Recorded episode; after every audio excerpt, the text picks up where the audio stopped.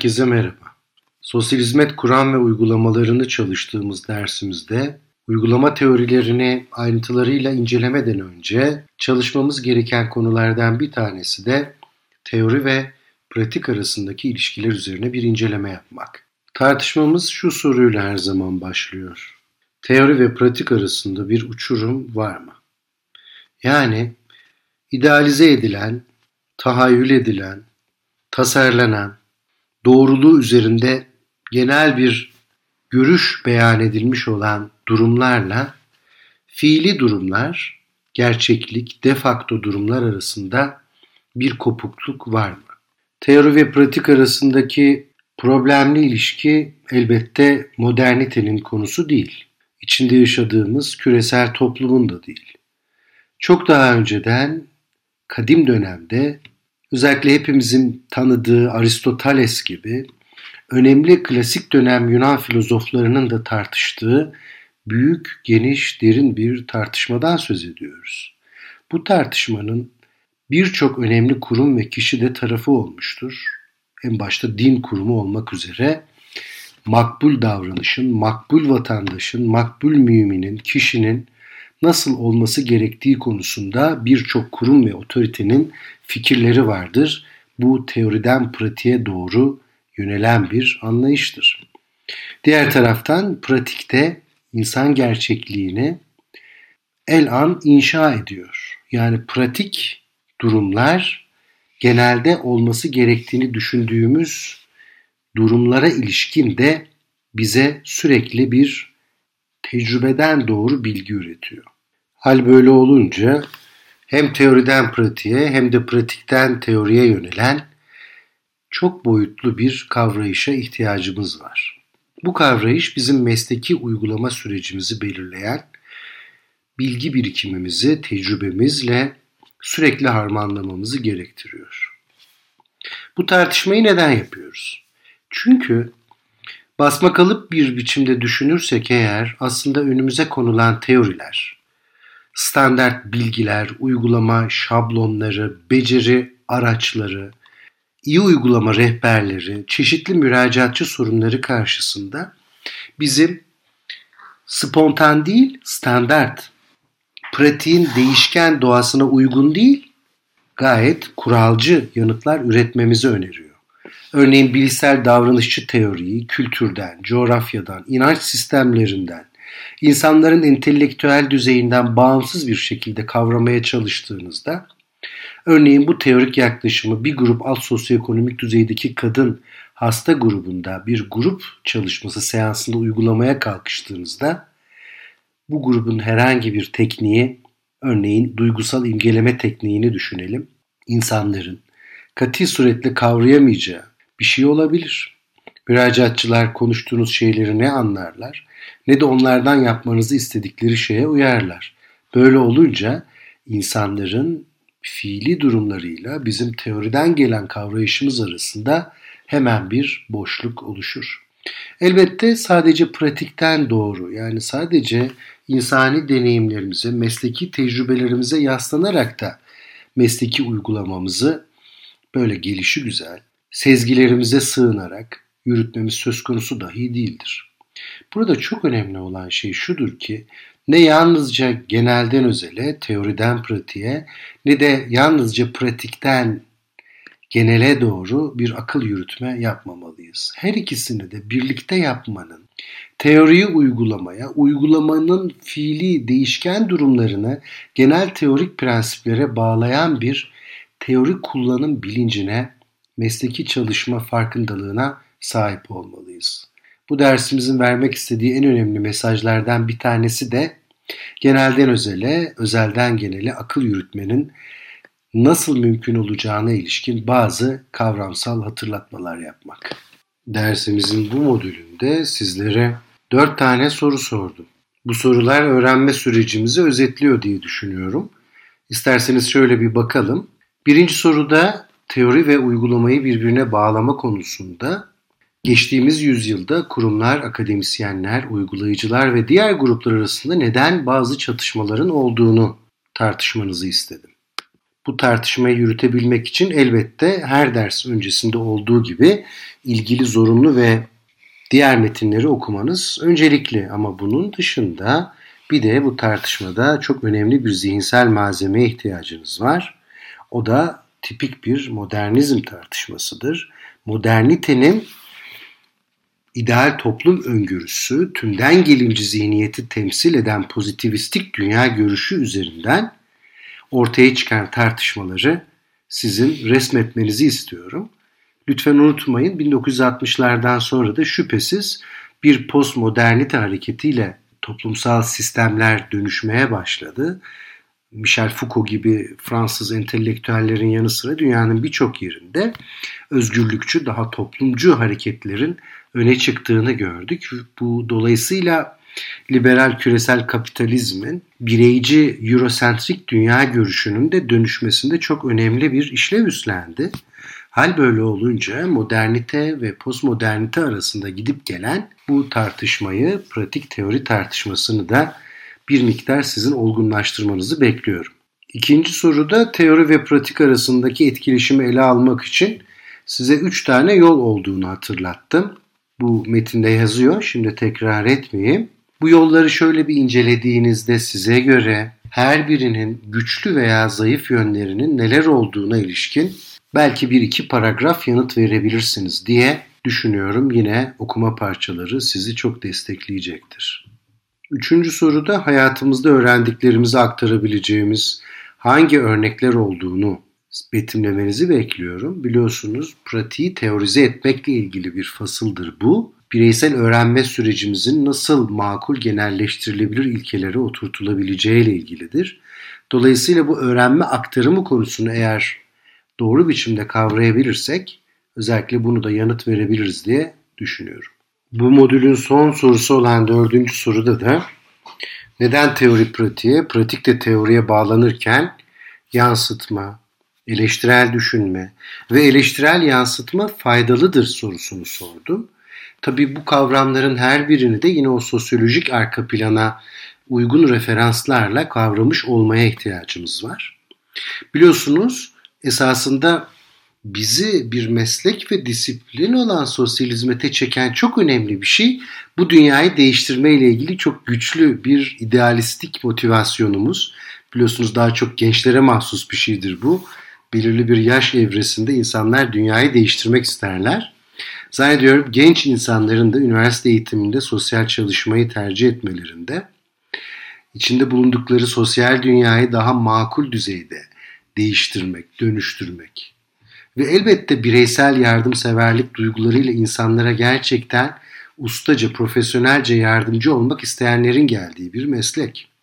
Yani fark yaratmak ve değişimle ilgili bir meslekten söz ediyoruz. Elbette bütün bunları gerçekleştirebilmeniz için sizin bu toplum temelli bazı teorik bakışlara da ihtiyacınız vardır. Bunları bilmeniz de kaçınılmazdır. İşte tam da bu noktada biraz evvel zikrettiğim o eleştirel düşünmeyi, eleştirel yansıtmayı ve self-reflectivity gibi, self-reflexivite gibi bazı kavramları da doğru bir biçimde zihnimizde oturtmaya ihtiyacımız var. Öz düşünümsellik, öz dönüşümsellik, öz yansıma gibi Türkçe'ye tercüme edilen kavramlardan söz ediyorum. Şimdi yeri gelmişken bir miktar Jürgen Habermas'a referansta konuşmamız faydalı olur. Habermas asırlık bir çınar zannediyorum 2020 itibariyle 90 yaşını doldurmuştur. Alman felsefe profesörü, sosyolog, siyaset bilimci olarak tanınıyor ve tabii en önemli özelliklerinden bir tanesi eleştirel kuramın önemli bir temsilcisi olması. Habermas'a Malcolm Payne hoca da kendi kitabında özellikle yer vermiş ve onun reflektivite ile ilgili yani düşünümsellikle ilgili tartışmalarını referans almayı gerekli görmüş. Şimdi tabii bizim teoriden pratiğe, pratikten teoriye, dünyayı kavrama ve mesleki uygulama süreçlerimizi biçimlendirme çabamızda çok önemli bir araç olarak reflektiviteyi, öz düşünümselliği kullanmamız söz konusu olabiliyor. Bu tartışmalarda Habermas bilgiyi de bu açılardan esasında üç boyutta okumamız gerektiğini bize özellikle hatırlatıyor. Birinci boyuttaki bilgi teknik bilgi onun tasnifinde bizim tümden gelimsel pozitivistik dünya görüşünü temsil eden daha monolitik, modernist bir bilgi türüyle ilgili. Şüphesiz buradaki bilgi araçsal bir bilgidir. Bizi kuşatan sosyal dünyayı hayatta kalabilmemiz için kontrol etmeye ve olabildiğince geleceğimizi bilinçli bir şekilde biçimlendirmeye dönük bir bilgidir. Gayet net bir şekilde pozitivistik yapısı itibariyle nedenselliğe dayalı bir araçsal bilgidir. Böyle olduğu için de analitik ve ampirik metotlarla işte bizim sosyal bilimlerde de uzun yıllar egemen olan pozitivistik aklın temsilidir. Bu teknik adı verilen bilgi türünü tümden gelimsel pozitivistik bilgi türünü sosyal hizmet uygulamasına uyarladığımız zaman bir örnek aklımıza aile destek hizmetleri gelebiliyor.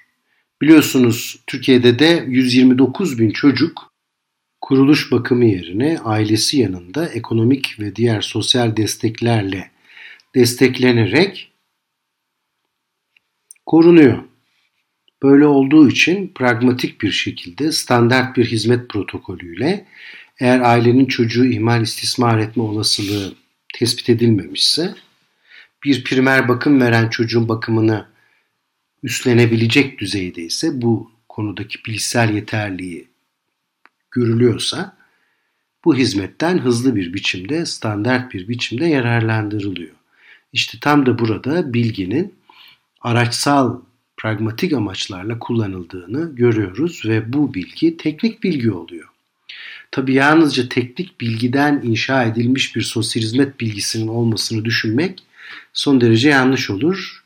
Bizi bu bilginin götüreceği yerin bürokratik bir sosyal hizmet olacağı, tek tipleştirici, standart bir sosyal hizmet olacağı açıktır. Reflektivite üzerine tartışan Jürgen Habermas'a göre ikinci bilgi türü de pratik bilgi oluyor. Bizim tüme varımsal, pratikten teoriye doğru, tecrübeden genelleştirilebilir ilkelere doğru yönelen bilgiden bahsediyoruz. Elbette burada bir postmodernite etkisinin de güçlü olduğunu söylememiz lazım.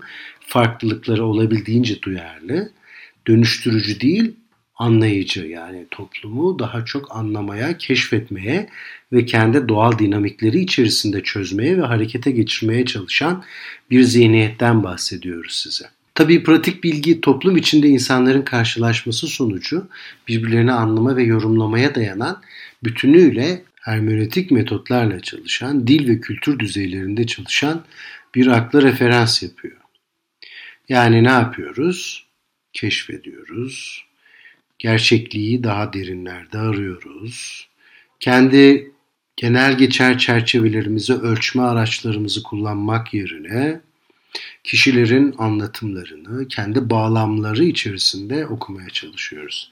Galiba bu İngilizcesi kontekst olan bağlam kavramını yani çevresi içinde kişi perspektifinde de sıklıkla vurguladığımız bağlama içinde kişi, bağlama içerisinde davranış, kendi kronolojik, coğrafi, kültürel, inançsal bağlama içerisindeki bilgiyi okuma biçimi sosyal hizmet uzmanlarını mesleki uygulamalarında işte otantik e, kılan bir unsur olarak öne çıkıyor.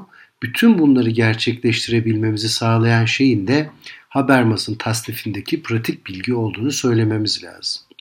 Ama pratik bilgi türü sosyal çalışmada yalnızca pratik yönergelerin, uygulama protokollerin, aile sosyal destek hizmetleri gibi bir takım çerçevelerin oluşturulmasına katkı sağlamadı. Bundan daha ziyade 1960'lardan sonra özellikle sosyal hizmetin o teşhisçi klinik ekolüne eleştirel olarak e, karşı duran radikal sosyal çalışma hareketinin ve bilincinin baskı karşıtı uygulamanın ortaya çıkmasında çok büyük etkisi oldu ve şüphesiz sosyal eşitsizliklerle mücadele etme, yoksulluğu azaltma, fırsat eşitliğini artırma, sağlık bakım hizmetlerine ve konut hizmetlerine erişim kapasitesini artırmak yönündeki toplum tabanlı girişimlerin çoğu tam da bu pratik bilginin kullanılmasıyla hayata geçti. Bu akıl yürütmede üçüncü boyutta ise özgürleştirici bilgi yer alıyor. Özgürleştirici bilgi eleştiri ve özgürleşme alanında iş gören, daha çok refleksiyona dayalı ve psikanaliz gibi eleştirel bilimlerin alanını oluşturan bir akletme biçimi olarak da tanımlanıyor. Galiba bu özgürleştirici bilgi deyince aklımıza hepimizin biraz düşünürsek Brezilyalı eğitimci ve sosyal pedagog Paulo Freire gelecektir. Meslek hayatının bir kısmında da Brezilya'da bir sosyal çalışma okulunda öğretim üyesi olarak çalışan Freire biliyorsunuz ezilenlerin pedagojisi, yüreğin pedagojisi gibi harika eserleriyle aslında eğitim bilimleri dünyasında da çok önemli bir kırılma noktasıdır. O modernist eğitim, bankacı eğitim modeline meydan okumasıyla self-reflektivitenin çok önemli bir ismidir. Bilginin özgürleştirici bir araç olarak nasıl kullanılabileceğine ilişkinde harika bir yöntem geliştirmiştir. Daha geniş bir zamanda mutlaka bunu da tartışmayı büyük bir zevkle yapmak isterim. Şu halde toparlayacak olursak teknik bilgiyi, pratik bilgiyi ve eleştirel bilgiyi konuşmuş olduk. Teknik bilgi ve teknik akıl dediğimiz zaman güç, otorite, dönüştürme, hayatta kalmakla ilgili çabaları ve standart prosedürleri konuşuyoruz ve bununla ilgili uygun teorik araçlara bakıyoruz. Fakat pratik bilgiden bahsettiğimiz zaman o gerçekliği içselleştirmekten, normların bedenselleşmesinden, insanları kendi bağlamları içerisinde kavrayan özgün teorik çerçevelerden bahsetmiş oluyoruz ki hemen aklımıza bir naratif teori, anlatı teorisi geliyor Avustralyalı merhum meslektaşımız Michael White'ın geliştirdiği. Onu da dersimizin bir başka bölümünde çalışmayı çok istiyorum. Ve son olarak eleştirel bilgiden, eleştirel akıldan, özgürleştirici akıldan bahsediyoruz. Bu da tabii ideal topluma bizi yaklaştıran, olabildiğince bilgi üzerinden iktidar kurmak değil, bilgi üzerinden özgürleşmeyi mümkün kılmakla ilgili bir bilgi olarak karşımıza çıkıyor. Sosyal hizmet mesleğinin uygulamasında reflektif uygulama, düşünümsel uygulama esasında tam da özgürleştirici bilgiyi içselleştirmekle mümkün oluyor. Yine en başta yaptığım gibi hem tümden gelimsel hem tüme varımsal bilgi türleri arasındaki o karmaşık etkileşim yoluyla hem bildiklerimiz ve hem öğrendiklerimiz arasında bir denge kurmakla mümkün oluyor diyebilirim. Evet, it's not easy to develop reflective practice. Elbette mevcut toplumsal koşullarda o güçlü küresel kapitalizmin etkisi altında, modernist güçlü merkezi yönetim zihniyetleri altında bu çok kültürcü modelleri üretmek güç olabilir. Bunların her biri esasında suistimale de açıktır. Bunu da göz ardı edemeyiz. Diğer taraftan geleneksel modernist bilgi üzerinden de bir sosyal hizmet uygulama teorileri perspektifi oturtmak tek başına yetersizdir. Bunu tamamlayıcı farklı teorik bakışlar ve paradigmalar olduğunu bilmemiz gerekiyor. Bu dersimizin soyut içeriğini Michel Foucault'un çok sevdiğim bir başka sözüyle bitirelim. Foucault diyor ki hapishanelerin fabrikalara, okullara, kışlalara, hastanelere ve bütün bunların da yine hapishanelere benzemesi sizce de şaşırtıcı değil mi? Bu söz ne kadar esaslı bir modernizm eleştirisi yaptığını gösteriyor bize Foucault'un. Diğer taraftan Foucault'un hedefinde de yine modernist sosyal hizmetler var. Toplumun marjinal gruplarını daha çok kurumlara kapatan yaşlıyı, çocuğu, engelliyi sosyal hijyeni sürdürmek adına kurumlara kapatan modernist Avrupa sosyal hizmetine karşı da esaslı bir başkaldırı onun fikirleri. Evet biz tabii Türkiye'de aynı kaderi paylaşmadık Avrupa'yla. Bizim hayırsever köklerimiz toplumun birçok grubuyla etkileşimlerimizi daha farklı boyutlarda sürdürmemizi sağladı. Fakat bir dönemin Avrupa'sı sosyal hizmetlerini bütünüyle modernist ilkeler üzerinden inşa etmişti ve burada sözünü ettiğimiz farklı bilgi türlerine ve onun uygulamalarına yanıt veren bir sosyal hizmetler düşünmek pek mümkün olmamıştı. Hepinize sağlıklı günler dilerim.